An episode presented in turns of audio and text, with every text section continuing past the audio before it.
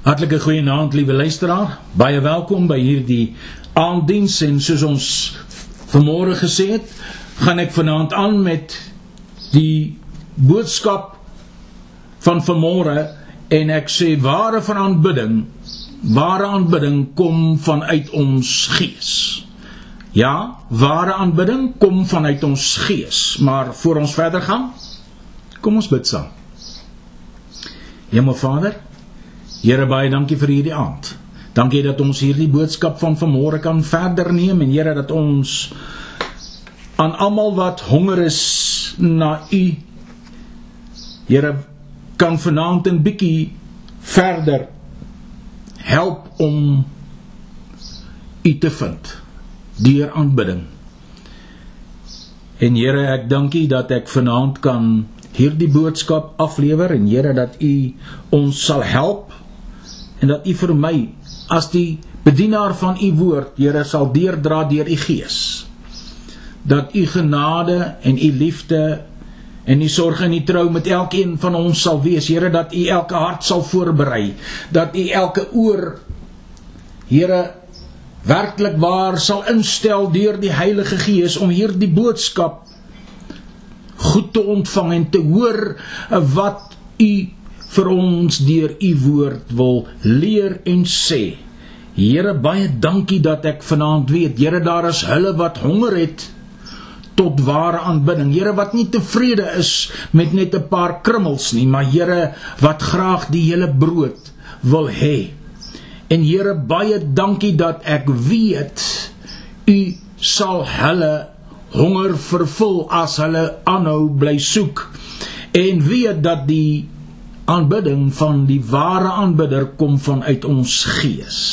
Help ons in hierdie aand en Here dra ons deur u gees en dra ons deur sodat u naam in en deur ons verheerlik sal word. Ek dank u daarvoor Vader. Dit bid ek in Jesus naam. Amen. Liewe luisteraar, soos ek gesê het, wil ek met u praat vanaand oor 'n ware aanbidding kom vanuit ons gees. Weereens daardie skrifgedeelte uit Johannes 4 vers 21 tot 23.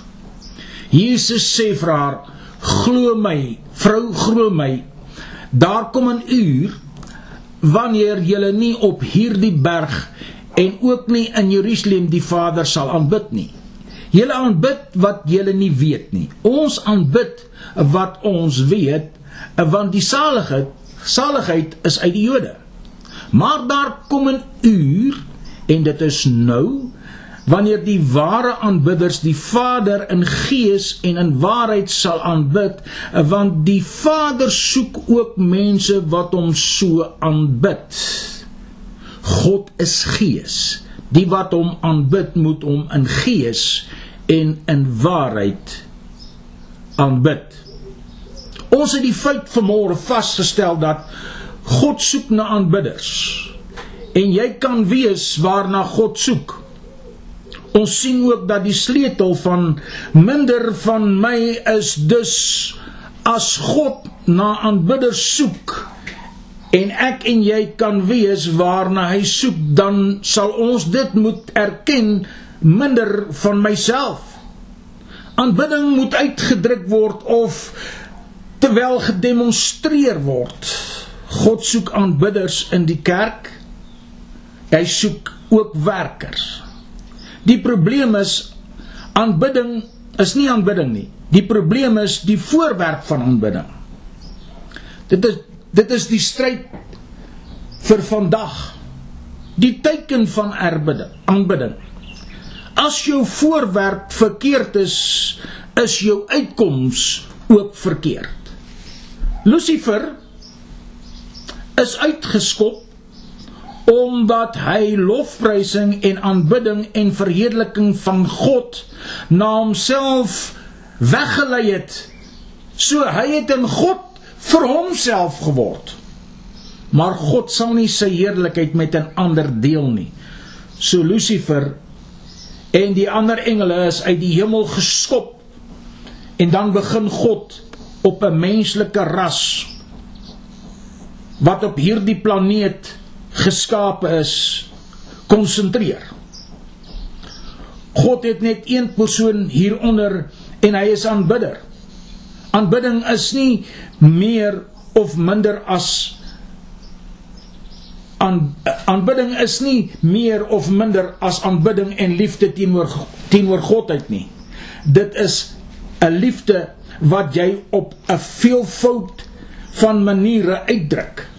Maar as dit nie ware liefde en aanbidding is nie, kan dit nie onuitgedruk bly nie. As 'n man vir sy vrou sê hy is lief vir haar, maar hy omhels of soen haar nooit, koop vir haar nooit iets, maak haar nie liefdevol deur gebare nie, dan is dit nie baie waarskynlik dat die arme dame daardie ou sal glo nie. Liefde moet uitgedruk word. As liefde nie uitgedruk word nie, stagneer dit. Dit sterf. Dit word korrup. Word minder as suiwer liefde. Jy sien aanbidding is skree, roep luid uit die keel. Psalm 32 vers 11 lees die volgende: Wees bly in die Here en juig oor regverdiges en jubel alle opregtes van hart. Psalm 47 vers 1. Juig tot eer van God met die stem van triomf.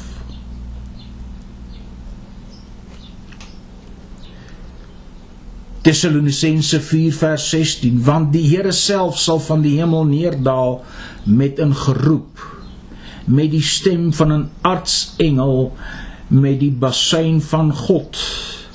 En die wat in Christus gesterf het sal eerste opstaan. Dit is die deel van skree. Nou dan sê die Bybel ook in Psalm 47 vers 1 alle volke klap met die hande klap U sien, u moet skree, u moet klap. Juig tot eer van God met 'n stem van gejubel.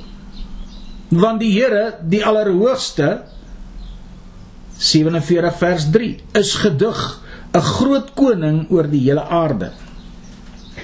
En dan natuurlik kry ons die die ander deel van er, van aanbidding is dans.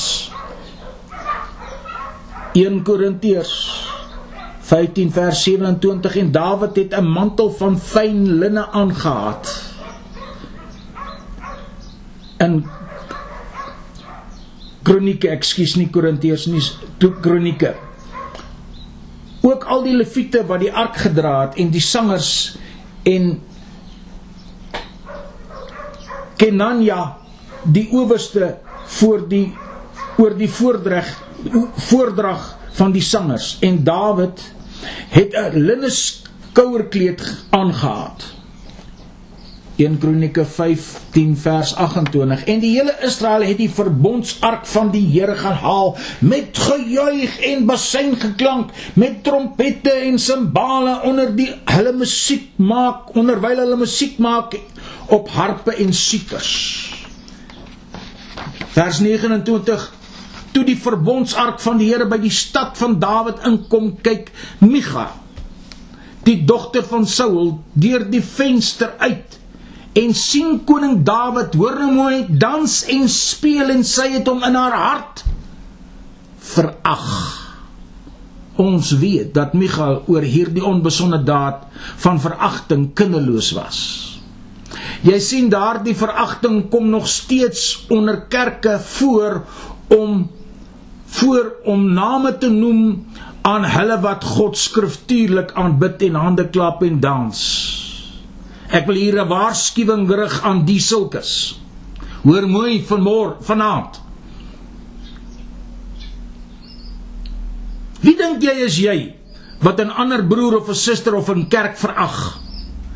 Sou jy dink jy kan die oordeel van die lewende God wie hulle aanbid vryspring? Kan ek dit vir jou weer sê? Wie dink jy is jy wat 'n ander broer of 'n suster of 'n kerk verag? Sou jy dink jy kan die oordeel van die lewende God wie hulle aanbid en prys vryspring? Jy wat te bang is om God se naam te loof en te prys oor die grootheid van God te besing.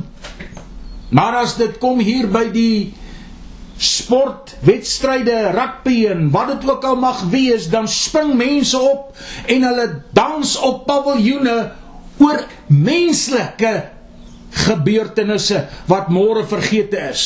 Maar oor God het hulle 'n opgestelde en 'n vooropgestelde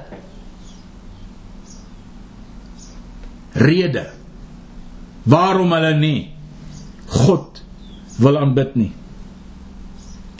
Psalm 149 vers 3 Loof hom met basuingeklank, loof hom met harp en siter. 150 vers 4 Loof hom met tamboerijn en koordans, loof hom met snare spel en fluit. Moet ons hierdie gedeeltes maar uit ons Bybel uitruk en God nie loof en prys en dans en sang en hande klap en hom vereer nie. Jy sien om te sing Psalm 98 vers 4 Juig voor die Here o ganse aarde breek uit en psalm sing Jy sien daar is heel party musiekinstrumente wat genoem word in die Bybel en ja ons kan dit nie presies nadoen soos dit hier in vandag se lewe is nie maar dit gaan in dieselfde klas geklas klassifiseer word Psalm 150 vers 1 tot 6. Halleluja. Loof God in sy heiligdom. Loof hom in sy sterk uitspansel. Loof hom oor sy magtige dade vers 2. Loof hom na die volheid van sy grootheid. Vers 3. Loof hom met basuingeklank. Vers Loof hom met harp en siter vers 4 loof hom met tamboerijn en koordans loof hom met snare spel en fluit loof hom met siter simbale loof hom met klinkende simbale laat alles wat asem het die Here loof. Haleluja jy sien daar is 'n triomfantelike toegang. Hoor baie mooi wat lees Lukas 19 vers 37 tot 40. En toe hulle al naby die afdraand van die Olyfberg kom, begin die hele menigte disippels God met blydskap te prys met 'n groot stem oor al die kragtige dade wat hulle gesien het terwyl hulle gesê geseënd is die koning wat kom in die naam van die Here vrede in die hemel en heerlikheid in die hoogste hemele. En sommige van die fariseërs uit die skare sê vir hom meester bestraf u disippels. En hy antwoord en sê ek sê vir dat vir julle as hulle swyg sal die klippe uitroep. Aanbid jy 'n gevoel of 'n feit dat jy gekom het om God te aanbid? Ons het 'n beter begrip van hierdie ondervind uh, onderwerp nodig sodat ons meer gemaklik kan wees want kennis is mos mag. Daar is geen sin daarin om te dans, skree en hande te klap as ons nie weet hoekom ons dit doen nie. Is dit as gevolg van 'n gevoel God probeer om ons verby die gevoel na die feit te neem. Was jy al ooit in 'n lofprysing diens? En die sang het begin en jy het gev die gevoel het jou beet gekry. En jy wil net nie hê dat dit moet weggaan nie. Weet jy wat jy doen? Jy geniet die atmosfeer van die Heilige Gees en dit wat gebeur, maar as jy nie versigtig is nie, sal jou aanbidding begin aanbid. Sal jy jou aanbidding begin aanbid. Jy sal jou lof begin prys. Jy sal 'n lekker gevoel vervang met 'n ware fokus op God. Jy moet beter seker maak dat die middelpunt van jou aanbidding korrek is. As die voorwerp nie feitelik is nie, sal God dit verwerp. Elke poging tot aanbidding is nie 'n God aanvaarbare aanbidding nie. Kain is verwerp omdat dit nie 'n bloedlose aanbidding of Kain se houding sou aanvaar nie. Die verlossing is van die Jode. Toe Jesus dit gesê het, verlossing is van die Jode, het hy gesê dat die Samaritane 'n mededingende godsdiens was met 'n mengsel van waarheid, gevoelens en menslike idees, maar hulle het in die oë van God 'n mensgemaakte godsdiens gehad wat onaanvaarbaar was. Die Jode het 'n godsdiens gehad wat in God gesetel en ontstaan het. Wat die heiligheid van God verhef en groot gemaak het. Dit het die noodsaaklikheid van 'n plaasvervangende bloedoffer getoon wat die Samaritane nie kon begryp nie. Dit is die opoffering van 'n plaasvanger wat lei tot vergifnis, verzoening en herstel. Redding was nog altyd deur goddelike genade, nie deur 'n menslike verdienste nie. En die genade word aan die sondaar gebied op grond van offerverzoening. So het God deur die Jode eens en vir altyd sy goddelike reg gevestig om die metode om die metode om tot hom te nader aan te toon. God het vir hulle offers, rituele, tempelrituele en besnydenis en hy het gesê redding is van die Jode. Hier is hoekom. 1. Hulle ken die voorwerp van die ware lewende God. 2. Hulle het die benadering tot God wat hy sal aanvaar. Alles anders word verwerp. Dit is hoekom Rut vir Naomi bly volg het en nie haar wou verlaat nie. Hoor wat sê Rut 1 vers 16. Maar Rut sê moenie by my aandring dat ek u moet verlaat om agter u om te draai nie. Want waar u gaan sal ek gaan. Waar u vertoef sal ek vertoef. U volk is my volk. U God is my God.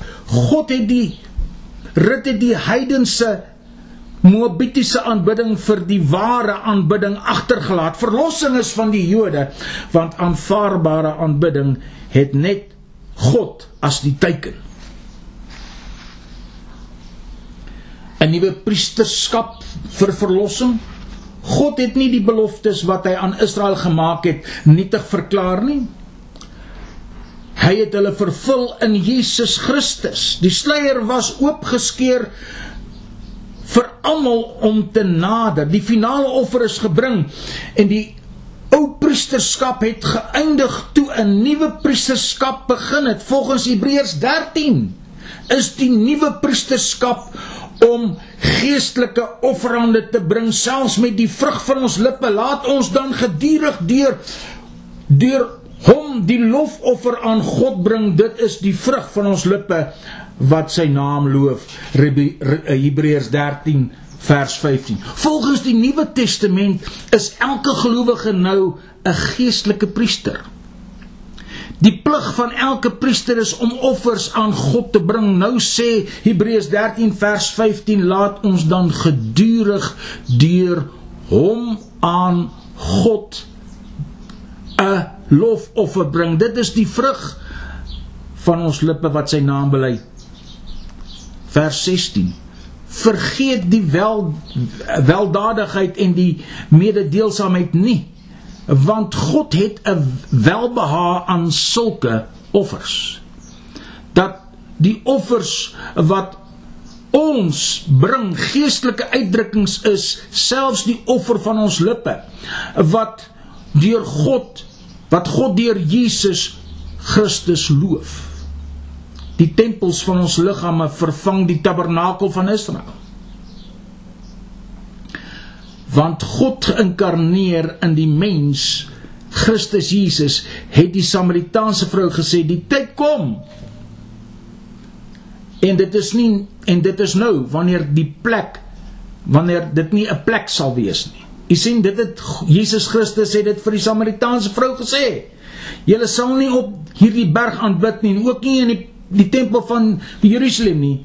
Jy sal nou in jou gees en waarheid aanbid aanbidding in die waarheid of leerstellings van mense. Ai, liewe ouers. Uh Matteus 15 vers 8. Hierdie volk, hoor wat sê die Here, nader my met hulle mond en eer my met die lippe, maar hulle hart is ver van my af. Wat help dit? Jy kom en jy sing jou psalms, jou liedere, jou gesange, maak nie saak wat nie, maar jou hart is nie daarin nie, want jy is nie bekeer tot God die Vader, Seun en Heilige Gees nie. Dit is kante geloof, maar nie ware aanbidding nie. Jy kan nie aanbidding hê wat vir die hemel aanvaarbaar is as jy 'n verdeelde hart het nie. Hoor wat ek sê, kom ek gaan dit vir u weer herhaal. Jy kan nie aanbidding hê wat vir die hemel aanvaarbaar is as jy 'n verdeelde hart het nie. God is te slim om met huigelaars rond te speel. Hy ken alles, hy weet alles. Hy weet alles van ons af as ons voor hom kom en ons hart is nie in in hom gesetel nie. En ons aanbid hom. Kon ons maar by die huis gebly het. Hy het gesê: Hulle kom nader met hulle lippe. Hulle sê dinge ag prys Jesus. Maar hy ondersoek die hart. Hy het gesê geraas beïndruk godsdiens. Maar ek soek 'n regte gesindheid. Ons is aktiwiteitsgesinde mense. Ja, natuurlik. God gaan veel verder as aktiwiteit en hy kyk diep in die hart vir aanbidding wat waar is. Matteus 15 vers 9 Maar te vergeefs vereer hulle my deur leringe te leer wat gebooie van mense is. Dit is waar. Uitla aanbidding. Hulle aanbid en hulle die regte voorwerp, maar hulle doen dit nie in die waarheid nie. Wie is Jesus Christus?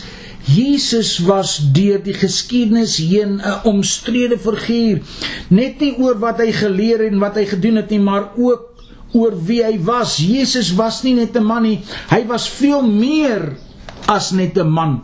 Want die skrifte openbaar aan ons dat Jesus Christus God was eh, wat in die vlees aan ons geopenbaar is. Die belangrikheid van hierdie openbaring kan ons nie oor beklemtoon kan nie oor beklemtoon word nie want ons verlossing hang daarvan af of ons die boodskap glo van wie hy was of is. Ja die boodskap wat ek voorberei het om vir jou 'n beter begrip van die persoon van Jesus te gee en deur jou die geskrifte te laat ondersoek Julle ondersoek die skrifte omdat julle meen dat julle daarin die ewige lewe het.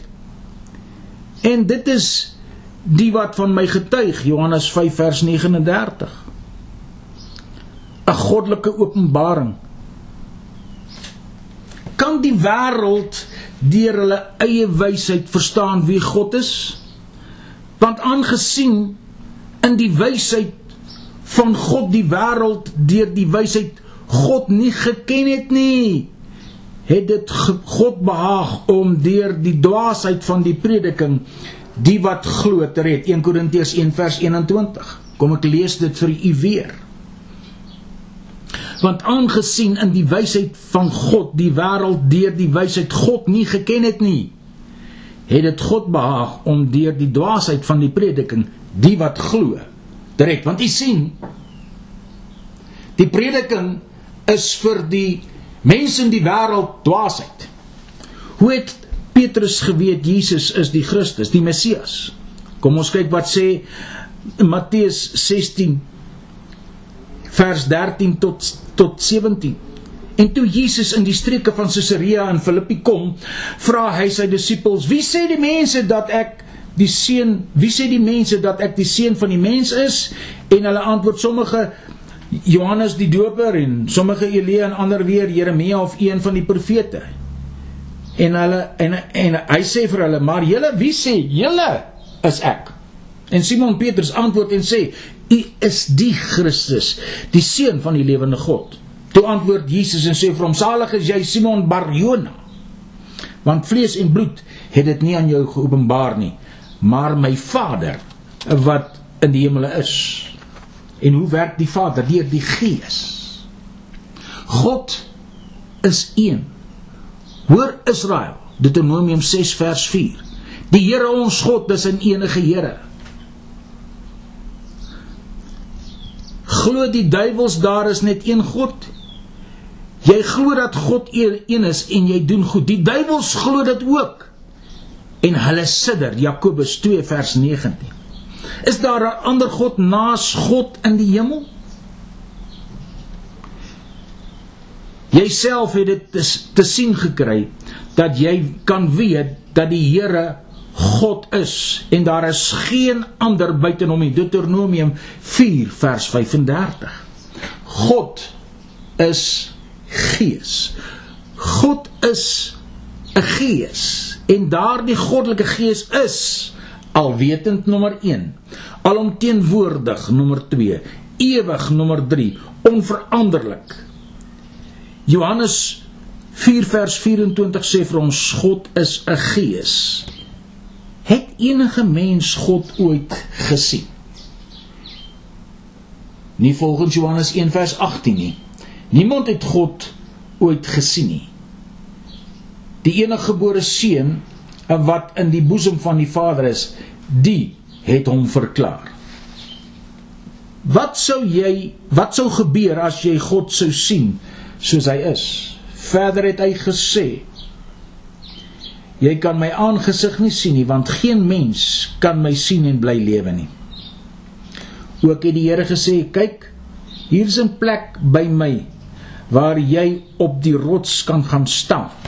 Dis Eksodus 33 vers 21.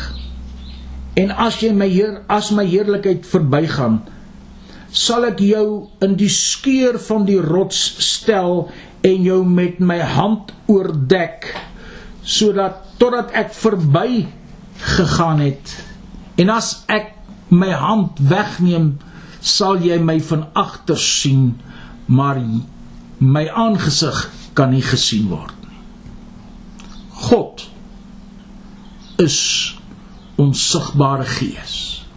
Geen mens kan God in sy hemelse gestalte sien nie.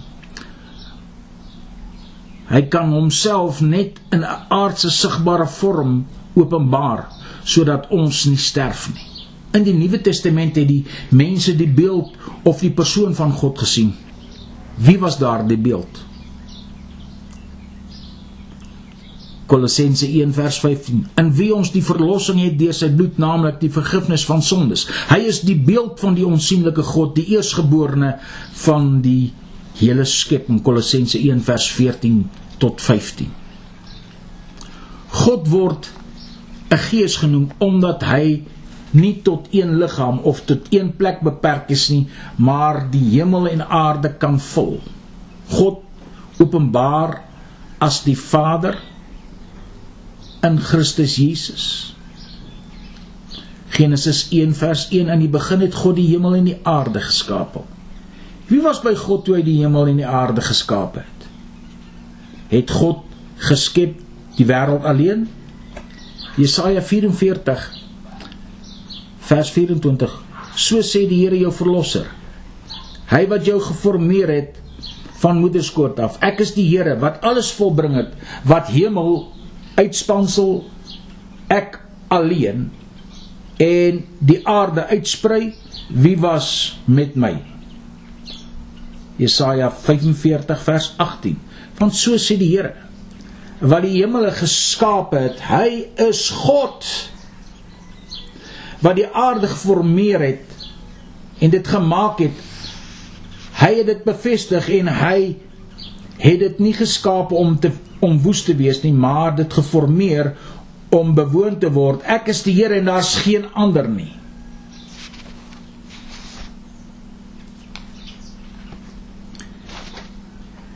U alleen is die Here.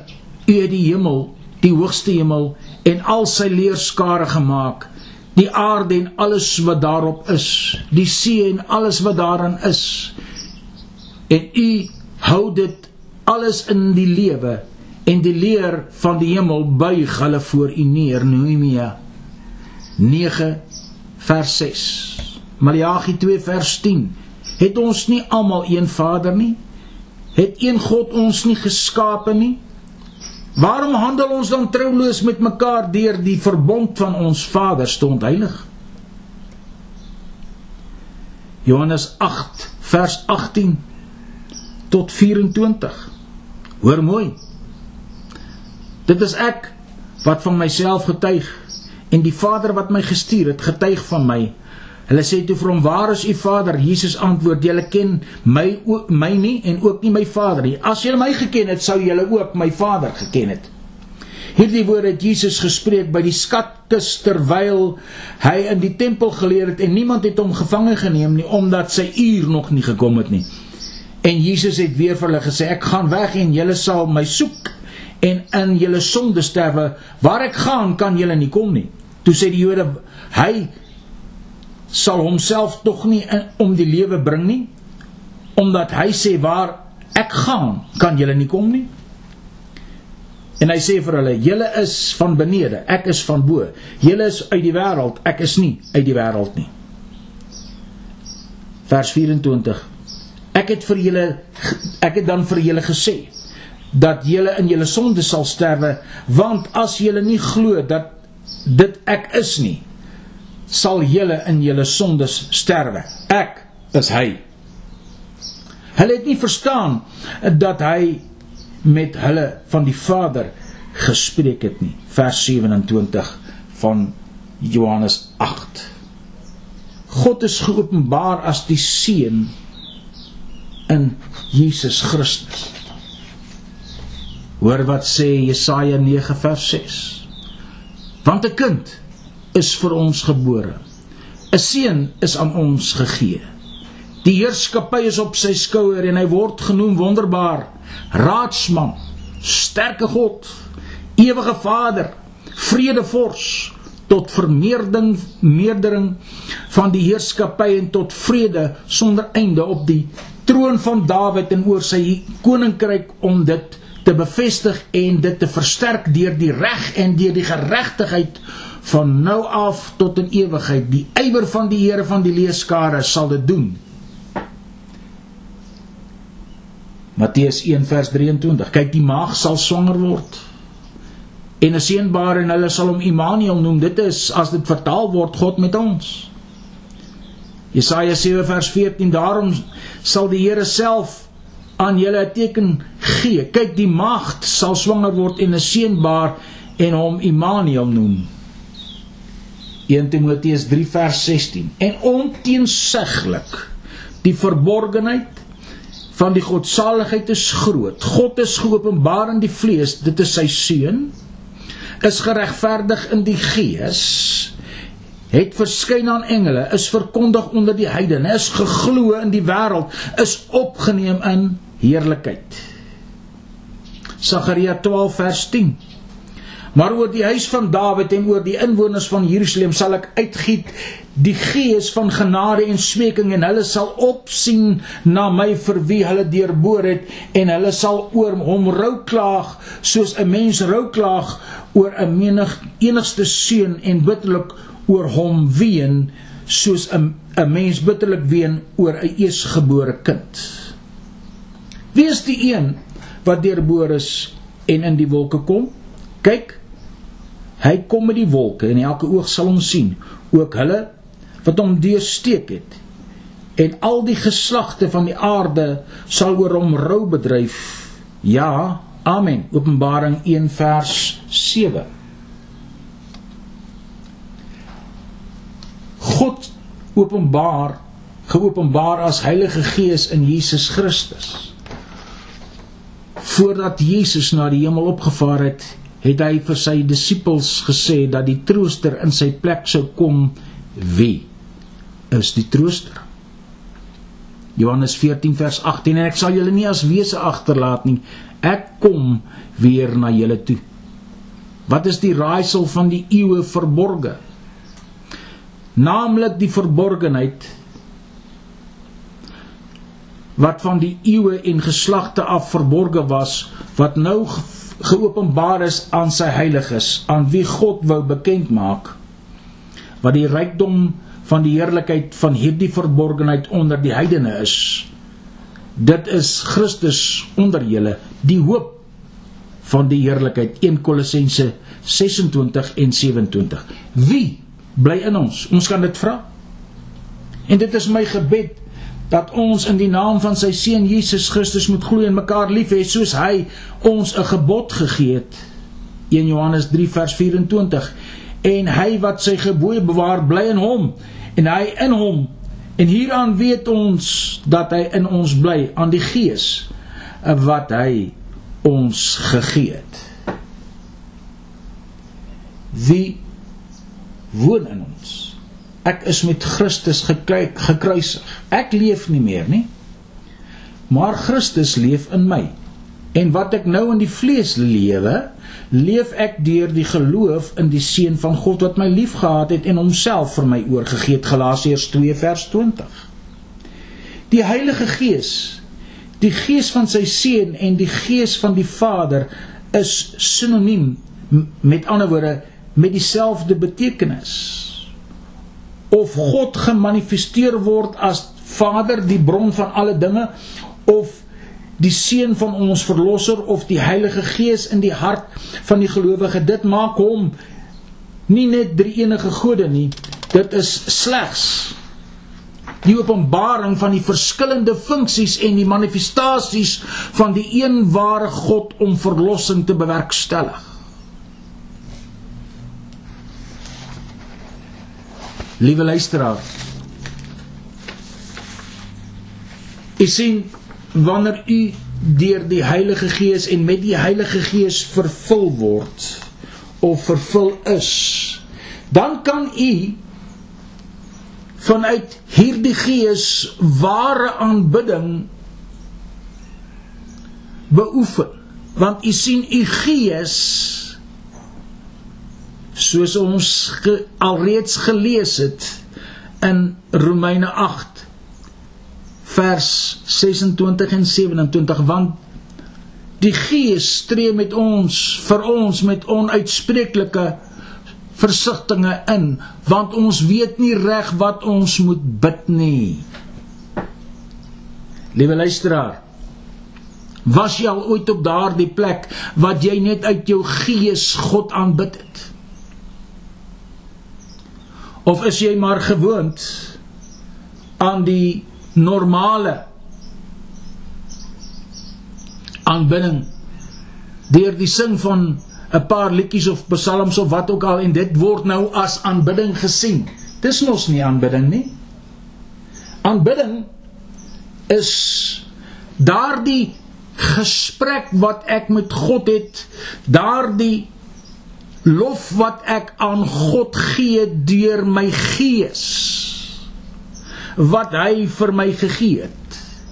Want die gees leer my om God te aanbid en leer my om hom te prys en te loof en eer te bring aan hom. Want u sien God is gees en die wat hom aanbid moet hom in gees en in waarheid aanbid. Weet dan nou raar as die waarheid van God nie in my is nie. Dan het ek 'n probleem, dan kan ek nie aanbid nie. As die gees van God nie werklik in my manifesteer nie, dan het ek ook 'n probleem, kan ek nie aanbid nie kan u sien dat daardie twee is gekoppel met mekaar? Gees en waarheid. En dit mag vir u miskien na letterlik Grieks klink maar dit is nie. Want u sien dit is eintlik basies baie makliker as wat dit klink. Wanneer u deur die Heilige Gees vervul is, kan u maklik tot aanbidding oorgaan. U weet Uit ondervinding kan ek vir u sê dat wanneer ons mens kan net so lank in jou natuurlike taal God verheerlik en aanbid en daarna skakel dit oor wanneer die gees van God oorneem by my. En ek in daardie onuitspreeklike taal vir God kan loof en eer. En ek weet nie wat ek sê nie want die gees van God tree vir my in met onuitspreeklike versigtings die gees ken die behoefte van die mens en ken die behoefte van my hart en ken die behoefte van alles wat ek aan God moet oor vertel en daarom daardie gesprek begin nou 'n twee gesprek raak want dit is gees van God wat met gees van God gesels. En gees van God spreek hierdie onuitspreeklike versigtings goed wat nog dalk gaan gebeur goed wat alreeds gebeur het in in my lewe kom na vore en dit word deur God die Vader aangespreek en deur Jesus Christus raak gesien. En die bloed van Jesus Christus die kom oor baie van die dinge wat ek nog miskien nie eers bely het in my lewe nie. En dit kom na vore. En ek bely dit omdat ek nie eens daarvan bewus is nie. U sien dit is wat ware aanbidding is ware aanbidding gee vir ons daardie platform waarop ons met God werklik kan praat Ek sien daarom was die tabernakel in drie dele. Die gemeenskaplike deel, dan die heilige en die allerheiligste. En daar was was offers gebring en dan eindelaas gaan die bloed maar een keer per jaar deur die priester, hoofpriester ingeneem, nie alvorens hy vir homself vir sy eie sondes versoening gedoen het nie want as hy met sonde in daardie allerheiligste deel ingaan word hy deur God getref. Want sonde kan nie in die teenwoordigheid van God inkom nie. Daarom wanneer ek met die gees van God vervul is en die gees van God werk in en deur my praat dit tot met die gees van God. En daarom kan ek bely en dit is asof ek daardie onsigbare sondes voor God kan bely al weet ek dit nie eens nie want dis waaroor die gees van God geskep is.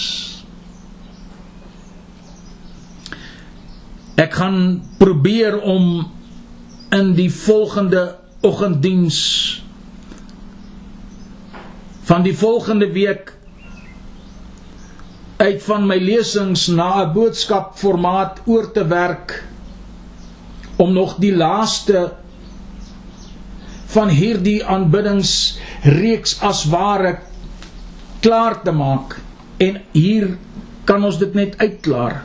Dit is nie alles omtrent aanbidding wat hieruit geleer kan word nie maar slegs 'n paar riglyne wat ek wat u kan gebruik om u geestelike lewe te verryk en na ware aanbidding toe oor te gaan wat 'n groot integrale deel uitmaak van ons aanbidding want ware aanbidding is dit wat God van ons verlang. Hy soek mense wat hom in gees en waarheid moet aanbid en wil aanbid. Ek hoop u verstaan wat ek probeer aan u verduidelik want u sien as ons nie weet wie God is nie. En dit kom vanuit ons gees. Want vanuit ons gees kom daar die ware aanbidding van God voor. Want u sien, aanbidding is die gawe van God wat hy in ons gees plaas sodat ons dit aan hom kan terug gee as 'n offer. En daarom moet u dit mooi verstaan vanaand dat ek het probeer om so 'n paar riglyne te trek en vir u in regte rigtings te probeer stuur. En ek gaan met volgende week se oggenddiens probeer om die laaste van die reeks te probeer klaarmaak en daarna sal ons oorgaan na iets anders toe wat ook gepaard gaan wat basies aan aanbidding gekoppel kan word want ons kan nie aan aanbidding met aanbidding aangaan as daar nie vergifnis in my lewe is nie. Aanbidding word gekoppel met vergifnis. Vergifnis moet eers plaasvind voor ek 'n ware aanbidder kan wees. Want as ek vergewe, dan is ek vergewe. As ek mense vergewe, kan God my vergewe want sy woord sê vir ons baie mooi.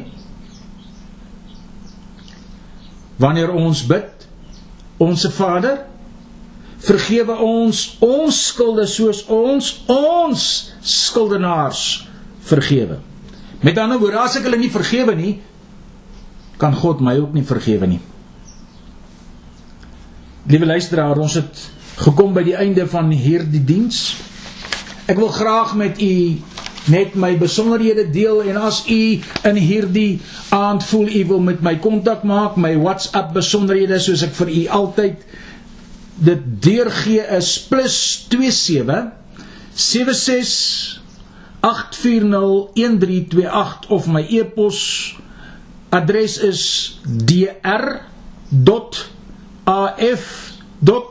dr.af.weyers w e lang y e r s 55@gmail.com Mag die Here vir u goed wees. Mag die Here u seën. Mag die Here met u gaan gedurende hierdie volgende week en mag hy u onder sy kosbare hand hou en dat die seën van die Here en die guns van God op u sal wees. Ek spreek God se seën uit oor u. Kom ons bid saam. Vader, Ek bid vir elkeen in hierdie aand dat U hulle werklik waar aanbidders sal maak. Here dat hulle dit vanuit hulle gees sal doen en Here dat ons dit sal weet omdat U ons met U gees sal vervul. Dankie Here dat ek weet ons kan elkeen seën in die naam van Jesus. Wil U dan met ons gaan en wil U dan met ons elkeen wees tot ons weer met mekaar kan gesels. Die Here seën U. Ek bid dit Vader in Christus naam. Amen. Gaan dan in sy liefde uit. Amen.